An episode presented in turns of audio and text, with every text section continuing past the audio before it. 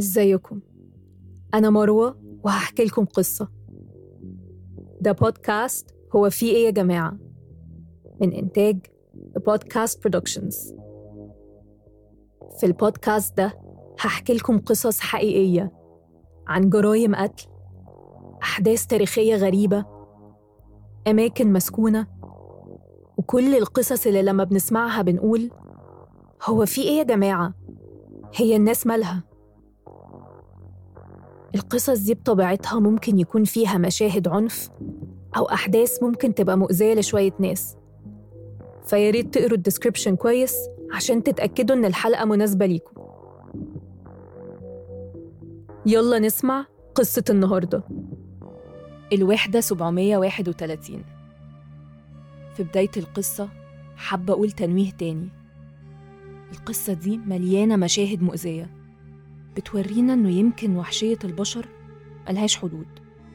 فتأكدوا الأول إن القصة مناسبة ليكم. المرعب في قصص جرائم الحرب هي إن مجموعة من البشر مش فرد واحد بيجتمعوا على تنفيذ أفعال المفروض إنها تنافي أي فطرة بشرية وبيبرروها بهدف أسمى وبيستمروا في ارتكابها والكل سامع وشايف ومحدش بيوقفهم. النهاردة هحكي عن جرائم اليابان في الحرب. وتحديداً جرائم الوحدة 731 في فترة الحرب العالمية التانية. الوحدة دي فضلت سنين مجرد أسطورة غير معترف بيها وتفاصيلها مش معروفة. الحرب العالمية التانية ابتدت سنة 1939 لكن قبلها بسنتين ابتدت الحرب اليابانية الصينية التانية. وده كان بسبب إن اليابان في توسع مستمر في الأراضي. الحرب دي انتهت مع انتهاء الحرب العالمية التانية سنة 1945 لما اليابان استسلمت مع دول تحالف المحور. الاحتلال الياباني هز الصين وبسببه حصلت حرب أهلية ومجاعة وأدى لموت 20 مليون صيني. الجيش الياباني كان عنده وحدات سرية بترتكب جرائم بشعة. من ضمنها الوحدة 731 وكان مقرها في الصين في منطقة منشوريا اللي كانت تحت الاحتلال الياباني. الوحدة اسمها الرسمي كان قسم الوقاية من الأوبئة وتنقية المياه. وطبعا مش محتاجة أقول إنهم عمرهم ما أخدوا أي خطوة لتنقية المية وبالنسبة للأوبئة فهم بذلوا كل جهدهم إنهم ينشروها. لأن الوحدة دي في الحقيقة كانت مختبر.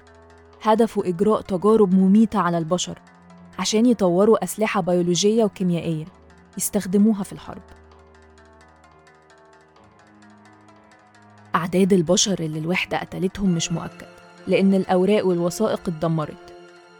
لكنه رقم مهول بيتراوح ما بين 200 ألف ل 300 ألف شخص مدني من رجالة وستات ومسنين وأطفال. معظمهم كانوا صينيين وفي منهم من بلاد تانية زي الاتحاد السوفيتي وكوريا. الوحدة 731 اتأسست في منتصف الثلاثينات يعني من قبل الحرب العالمية الثانية المسؤول عنها كان الجنرال شيرو إيشي اللي كان ضابط طبي في الجيش وكان دارس علم البكتيريا. كان هدفه إن هو يحول الأمراض لسلاح لصالح الجيش الياباني. وابتدى حملة عشان يجند ناس من كليات الطب. عدد اللي شغالين في الوحدة وصل ل 3000 فرد وكان فيها 150 مبنى ومكان لاستيعاب 600 سجين في وقت واحد لاستخدامهم في التجارب. كل العمليات كانت بتتم في السر ومحدش كان عارف عنها حاجة. لكن بعد انتهاء الحرب في معلومات ظهرت للعامة. هقول لكم شوية من التجارب اللي اتعملت على المساجين هناك. وأكيد الحقيقة أصعب بكتير لأن مفيش حد نجي من الوحدة 731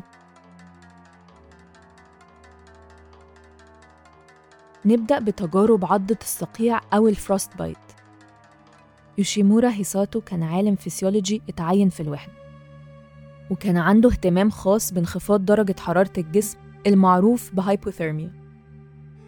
هيساتو كان بيحط أطراف الأسرة في حوض مية مليان تلج. وبيطلب من اللي معاه يمسكوهم لحد لما دراعهم أو رجلهم تتجمد بالكامل وتتشكل طبقة من التلج على الجلد. حسب الشهود كانت الأطراف بتطلع صوت شبه الصوت اللي بيحصل أما بتضرب قطعة خشب بالعصاية. بعد كده هيساتو كان بيجرب طرق مختلفة عشان يدوب الأطراف المتجمدة بسرعة. ساعات كان بيدلق على الدراع أو الرجل مية سخنة. وساعات كان بيحطها قريب من النار وساعات كان بيسيب الشخص بدون علاج طول الليل عشان يشوف الدم هياخد وقت قد إيه عشان يسيح لوحده. الأسرة اللي كانوا بيتعرضوا للنوع ده من التعذيب كانوا بيعانوا من ألم شديد وتشوهات بشعة في الأطراف المتضررة وساعات بيموتوا من إصابتهم. بالإضافة لده كان أفراد الوحدة من الجيش الياباني مهتمين بدراسة تأثير الأسلحة المختلفة. فكانوا بيجمعوا الأسرة ويضربوا عليهم نار من مسافات مختلفة وبأسلحة مختلفة. وبعدها بيقارنوا أشكال الجروح وعمق الاختراق على جثث الناس اللي ماتوا والأسرى اللي ما ماتوش. كانوا كمان بيختبروا أسلحة اللهب على الجلد المكشوف أو المتغطي وبيعرضوا الأسرى للأكس راي مدة طويلة وده كان بيؤدي إن هم يتصابوا بحروق بشعة. وطبعا الآلاف اتوفوا. كانوا بيحرموا السجناء من الأكل والمية عشان يعرفوا الإنسان ممكن يعيش قد إيه من غيرهم أو يسمحوا لهم بشرب مية بس تبقى مية من البحر. وكانوا بيحقنوهم بدم بشري أو حيواني غير متطابق عشان يدرسوا عملية نقل الدم.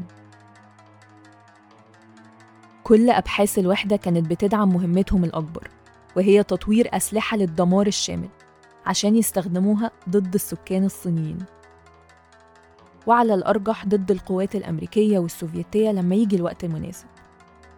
وهنا نوصل لواحدة من أكتر الجرايم رعب في تاريخ الوحدة 731 واحد من الناس اللي كانوا شغالين في الوحدة كان اسمه يوشيو شينوزوكا. في سنة 2004 لما كان عنده 83 سنة حكى في مقابلة إزاي تم تجنيده.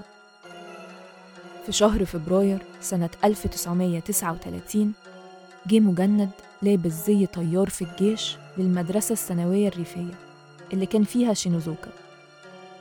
ووعد الطلاب بمستقبل باهر لو اتطوعوا. وعرض عليهم منح دراسية للكلية وفرص مهنية في الطب أو الطيران والسفر. وأهم حاجة شرف خدمة الإمبراطور. بالنسبة لشينوزوكا دي كانت فرصة ذهبية وقدم على طول. الامتحان كان سهل جدا وعدى منه وكان وقتها عنده 15 سنة. بعد شهرين اتأمر إن هو ينضم للوحدة 731 وكان تخيله إنه هيبقى شغال على توفير مية آمنة للجنود لأن هو ده نشاط الوحدة. وقتها أهله قالوا له بما إنك مش جندي لو حبيت تستقيل ممكن تعمل ده. ولو صعب ترجع لوحدك إحنا هنيجي نجيبك بنفسنا. لكن الواقع اللي اتصدم بيه كان مختلف تماما عن تصوره. في يوم من الأيام كان نايم في الوحدة وصحي على أصوات عالية زي سلاسل حديد بتخبط في الأرض. اتقال له وقتها دول بينقلوا حطب ارجع نام. أكيد وقتها استغرب ليه بينقلوا حطب في الوحدة وليه بيعمل الصوت ده. ودي كانت أول مرة يسمع المصطلح. ويتقال له إنه حطب في الوحدة هي المصطلح اللي بيطلق على المساجين. مجرد حطب.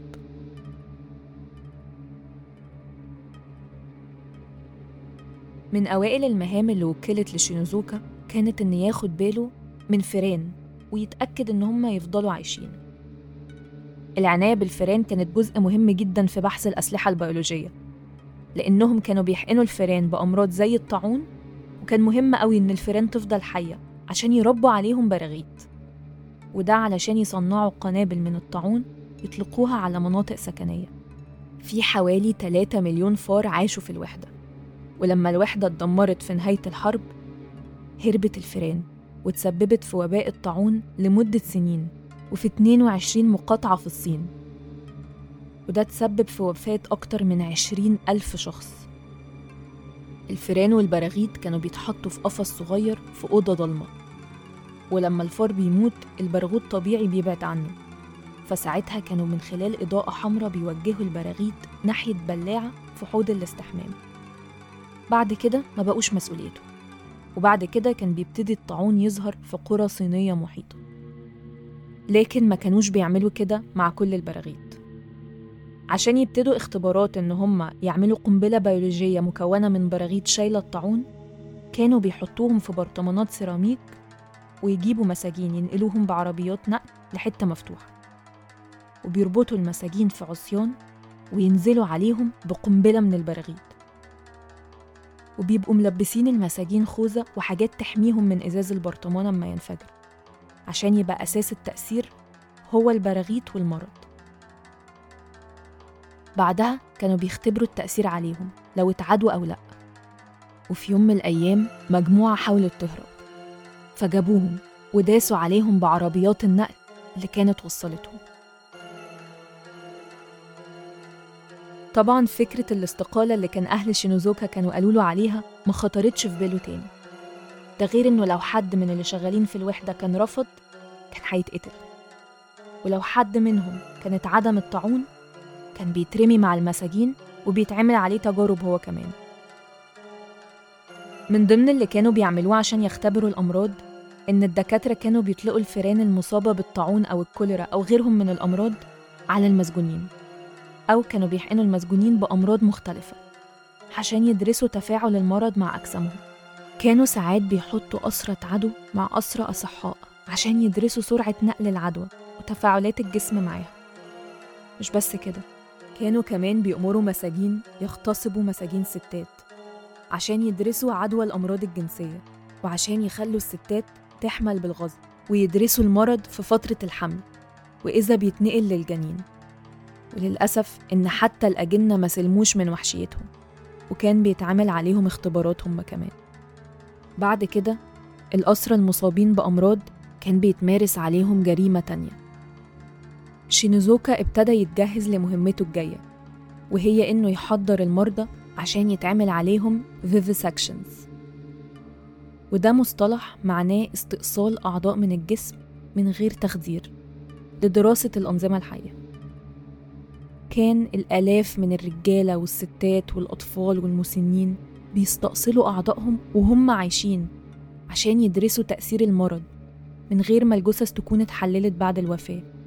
الوحشية ما كانتش بتنتهي هنا. لأنهم كمان كانوا بيعملوا عمليات بتر للأطراف وبيركبوها في الناحية التانية من الجسم. طبعا قليل قوي اللي نجيوا من العمليات واللي ما ماتش خلال العمليات كان بيتقتل بالرصاص أو بحقنة مميتة وأحيانا كانوا بيدفنوا أحياء. شينوزوكا حكى إنه أول عملية حضرها كانت رجله بتتهز. وما كانش عارف يقف من الخوف.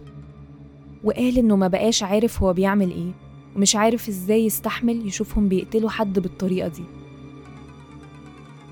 شينوزوكا كان عارف السجين اللي على الترابيزة وكان شافه كذا مرة قبل كده وقال إنه ما كانش مكمل 30 سنة وكان باين عليه مثقف. لما شافه في أوضة التشريح كان جلده مسود من الطاعون لدرجة إنه كان يبان شخص تاني. وكان على وشك الموت. سنة 1940 الجيش الياباني رمى من طياراته على مدينة صينية قمح وحبوب مليانين براغيث شايلة طاعون. والمرض ابتدى ينتشر بين السكان. آثاره لحد النهاردة محسوسة لأن لسه في حالات بتيجي من نفس السلالة. لما شينوزوكا خرج عن صمته بعدها بسنين كتير قال ما كنتش بسأل ليه بنعمل اللي بنعمله؟ محدش كان بيسأل. ما كانش عندنا وقت نفكر في اللي بنعمله. وأنا أخدت وقت طويل عشان أتخطى عذر إني كنت مجرد بطيع الأوامر. يمكن كنت هتقتل لو عصيت الأمر. ولكن اللي عملناه كان بشع لدرجة إني كان لازم أرفض حتى لو ده كان معناه موتي. بس أنا ما عملتش كده. ودي حاجة لا تغتفر. شينوزوكا كرس نفسه عشان يصلح أخطائه. شهد مع أهالي ضحايا صينيين وكتب كتاب للأطفال في المدرسة. وفي 1998 حاول يتكلم في مؤتمرات سلام في أمريكا وكندا لكن اترفض كونه مجرم حرب. شينوزوكا وغيره من الناس اللي اتاخدوا في سن صغير هناك خرجوا عن صمتهم بعد سنين من انتهاء الحرب عشان يعتذروا ويحاولوا يقدموا ولو دور بسيط في حق الضحايا اللي قتلوهم. لكن القادة اللي كان دورهم أكبر بكتير كان ليهم نهاية مختلفة. الحرب انتهت لما ألمانيا استسلمت ووصل خبر إن في أفراد من الجيش السوفيتي رايحين ناحية منشوريا اللي كان فيها الوحدة 731 وفورا طلع قرار بإخلاء الوحدة وتدمير كل الأدلة والأوراق. كل السجناء اللي كانوا لسه عايشين اتقتلوا بغاز سام وبعدين حرقوا الجثث ورموا البقايا في نهر قريب. وبعدين حطوا قنابل جوه مباني الوحدة وفجروها.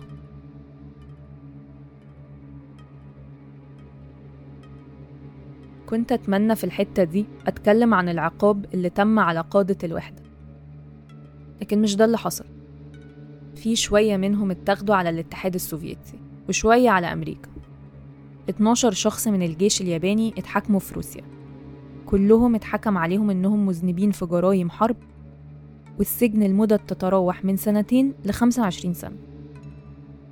بس بعدين خفضوا الأحكام وسمحوا للسجناء يرجعوا لليابان. لكن الحكومة الأمريكية عملت حاجة أصعب بكتير وقررت تدي عفو وحصانة كاملة للقادة اللي كانوا أساس الجرائم ومن ضمنهم شيرو إيشي اللي هو كان مؤسس الوحدة. وده في مقابل إنهم ياخدوا النتائج والبيانات اللي طلعتها الوحدة. شيرو إيشي رئيس الوحدة عاش حياته بسلام. لحد ما مات بسرطان سنة 1959 وكتير من أعوانه كملوا حياتهم وحققوا نجاحات في حياتهم المهنية. زي يوشيمورا هيساتو اللي كان بيعمل تجارب عضة الصقيع. بقى رئيس جامعة كيوتو للطب. قرار أمريكا كان مثير للجدل. وكتير من المؤرخين ونشطاء حقوق الإنسان انتقدوه. مع ذلك الحكومة الأمريكية قدمت مجموعة من الحجج. زي قيمة البيانات اللي أخدوها من الوحدة 731 وإنها يمكن تساعد في منع هجمات الحرب البيولوجية في المستقبل. في 2002 محكمة في طوكيو اعترفت للمرة الأولى بأن اليابان مارست حرب بيولوجية أدت لموت آلاف المدنيين الصينيين. اللحظة دي كانت تاريخية لأن الحكومة اليابانية فضلت تنفي وجود الوحدة 731 لمدة سنين والمدارس كانوا ممنوعين يجيبوا سيرتها ولكن مع الأسف اترفض أي طلب تعويض لأهالي الضحايا لحد يومنا ده محدش منهم خد حق الآلاف اللي اتقتلوا والعدالة عمرها ما اتحققت هل فعلا الوحدة دي فادت العلم بأي شكل؟ وهل العلم يستاهل تمن اللي اتدفع؟ هل اللي حصل ده نقدر نقول عليه بحث علمي؟ ولا هي مجرد تجربة سادية عملها مجموعة من البشر استغلوا سلطتهم وانعدام الرقابة عليهم دي كانت قصة النهاردة لو عجبتكم أو حسيتوا إنكم عايزين تقولوا هو في إيه يا جماعة؟ يبقى ما تنسوش تعملوا like و subscribe و share ولو عندكم قصص عاوزين ترشحوها ابعتوا لنا على صفحة The Podcast Productions واستنوا القصة الجاية.